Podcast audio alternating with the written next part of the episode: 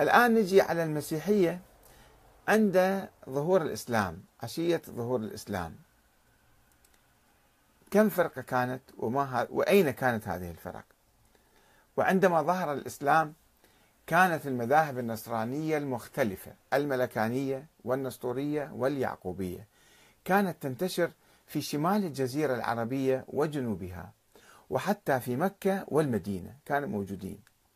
وقد التقى النبي محمد صلى الله عليه وسلم في رحلته إلى الشام مع عمه أبي طالب عندما كان في بعمر الثانية عشرة بالراهب النسطوري. نعرف ماذا يعني نسطوري النسطوري المعروف بحيرة آه، في بصرة الشام على أطراف الجزيرة يعني. كان معتدل لأنه وكان مطرود شبه مطرود يعني آه، مبتعد. وحسب ما يقول اليعقوبي في تاريخه فقد تنصر قوم من قريش من بني أسد. مو بني أسد اللي معروفين وإنما قبيلة من من قريش. اليعقوبي أحمد بن إسحاق اللي توفى سنة 284 في آه، كتاب اسمه تاريخ ابن واضح المشهور بتاريخ اليعقوبي جزء واحد صفحة 257 يقول يعني يؤكد تنصر بعض ال ال القوم من قريش تنصروا حتى. ومن أبرز هؤلاء كان ورقة ابن نوفل ابن أسد بن عبد العزى ابن قصي ابن عم خديجة بنت خويلد زوجة النبي محمد. وهو كما يقول ابن إسحاق في تاريخ السيرة النبوية كان على دين موسى كان صار يهودي ثم صار على دين عيسى. تنصر بعدين. ابن إشهام في السيرة النبوية جزء واحد صفحة 203 وكان ورقة أحد من اعتزل عبادة الأوثان في الجاهلية قبل النبي محمد. وطلب الدين وقرأ الكتب. صار يبحث عن دين الحق يعني. وامتنع عن أكل الميتة وما يذبح للأوثان.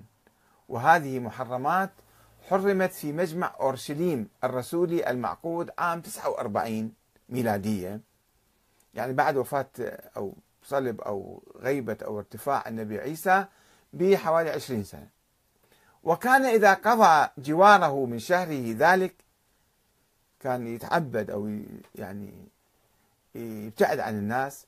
كان أول ما يبدأ به إذا انصرف قبل أن يدخل بيته الكعبة. كان يروح يزور الكعبة فيطوف بها سبعا ثم يرجع إلى بيته. كما هو حال النصارى بعد صيامهم الأربعين يحتفلون بعيد الشعانين ويطوفون حول كنائسهم سبع مرات. فهذا ورقة كان يطوف حول الكعبة سبع مرات. كما يقول ابن هشام في السيرة النبوية جزء واحد صفحة 211 والسيرة الحلبية جزء واحد صفحة 260 وأيضا المسيحي القس المسيحي أبو موسى الحريري في كتابه قس ونبي صفحة 25 أيضا يؤكد ذلك.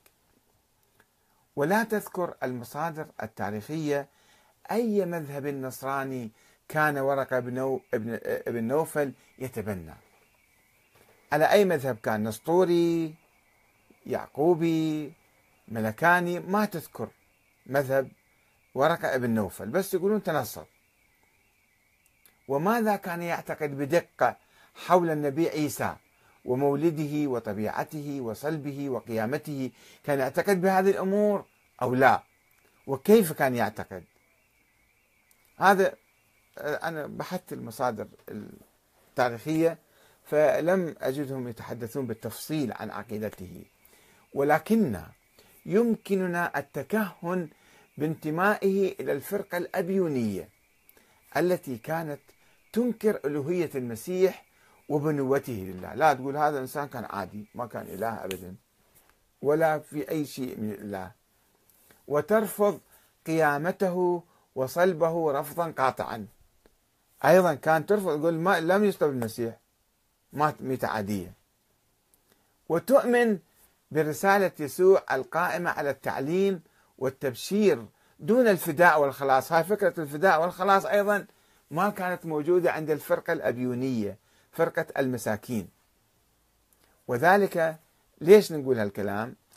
من خلال الروايات التي تقول بأن ورقة كان يكتب الكتاب العبراني. كان يكتب الكتاب العبراني. فيكتب من الإنجيل بالعربية ما شاء الله أن يكتب كان يترجم يعني. كما جاء في البخاري واحد على 38 وإلى 39 ومسلم الجزء الأول من 78 إلى 79 والأغاني لأبي الفرج الإصفهاني الجزء الثالث 114 فخلي شوي نلملم المعلومات المتفرقة الموجودة حول ورقة حتى نكتشف مذهبه. كان تقريبا معتدل يعني جدا. ولم يكن يعترف ب آه، آه، يعني طبعا الفرقة الأبيونية كانت تقول لا هو حتى ولد آه، ولادة عادية. والإنجيل العبراني كما يقول البخاري ومسلم والإصفهاني كان يكتب الكتاب العبراني.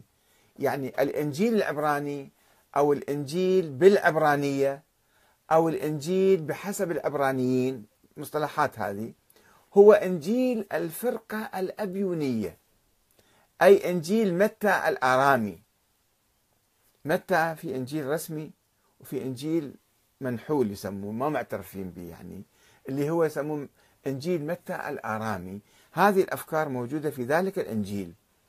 مع بعض الاختلاف وهو الإنجيل الذي لا يعترف به آباء الكنيسة التقليديون ويعتبرونه منحولا يعني محرف. لأن هم ما اعتقدوا فيه اعتبروه هذا محرف. هم غالوا فالكتابات المعتدلة صارت بنظرهم هذه مو صحيحة. ويبدو أن هذا أن هذا هو الإنجيل الذي كان بحوزة ورقة وكان ينقل من عنده ويترجم للعربي. والذي كان يقوم بتعريبه مما يرجح انتماء ورقة إلى نفس الفرقة الأبيونية.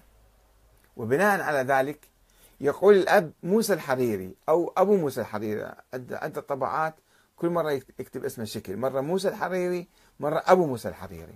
مؤلف كتاب قسوة نبي موجود على الإنترنت تقدرون تكتبون قسوة نبي يطلع لكم. بأن ورقة يقول هذا الكاتب المسيحي بأن ورقة كان رئيس كنيسة الأبيونيين في مكة.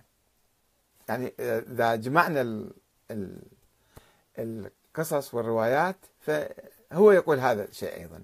وأن الإنجيل الذي كان بين يديه هو الإنجيل العبراني الخاص بالشيعة الأبيونية يعني بالفرقة الأبيونية. مو ملكي ولا نسطوري ولا يعقوبي.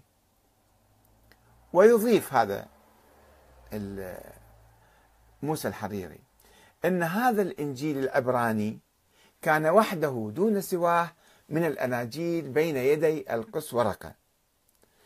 يسميه قس هذا حتى كان قسيس يعني مو فقط إنسان عادي ورقة بن نوفل بدليل ذكره دون غيره من في كتب السيرة والحديث ما تذكر أي كتاب آخر.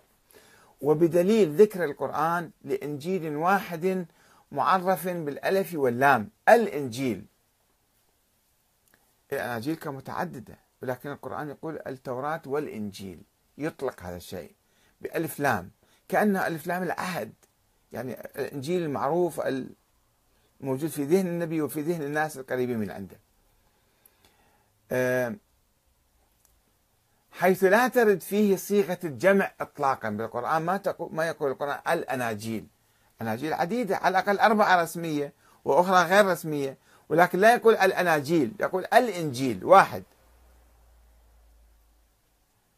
في حين أننا نعلم وجود أناجيل متعددة معروفة منذ الجيل الأول للمسيحية. إن في رواياتها القانونية الأربع الرسمية يعني وإن في رواياتها المنحولة. فمنذ أوائل المسيحية كان المسيحيون يعرفون إنجيل متى ومرقس وإنجيل لوقا وإنجيل يوحنا. ومنذ البدء كان النصارى يعرفون إنجيل بطرس وإنجيل الرسل الاثني عشر وإنجيل النصارى وإنجيل الطفولة وإنجيل العبرانيين وغيرها. فذكر القرآن أو فذكر القرآن العربي لإنجيل واحد مفرد على أنه الإنجيل الوحيد الذي عرفه يثبت أنه الإنجيل العبراني. خاصة ونحن نجد فيه وفي القرآن وفاقا تاما في العقيدة والفروض والعبادات وأحوال المعاد الأخر أو المعاد الأخير متفقة مع هذا الإنجيل. ويزعم الحريري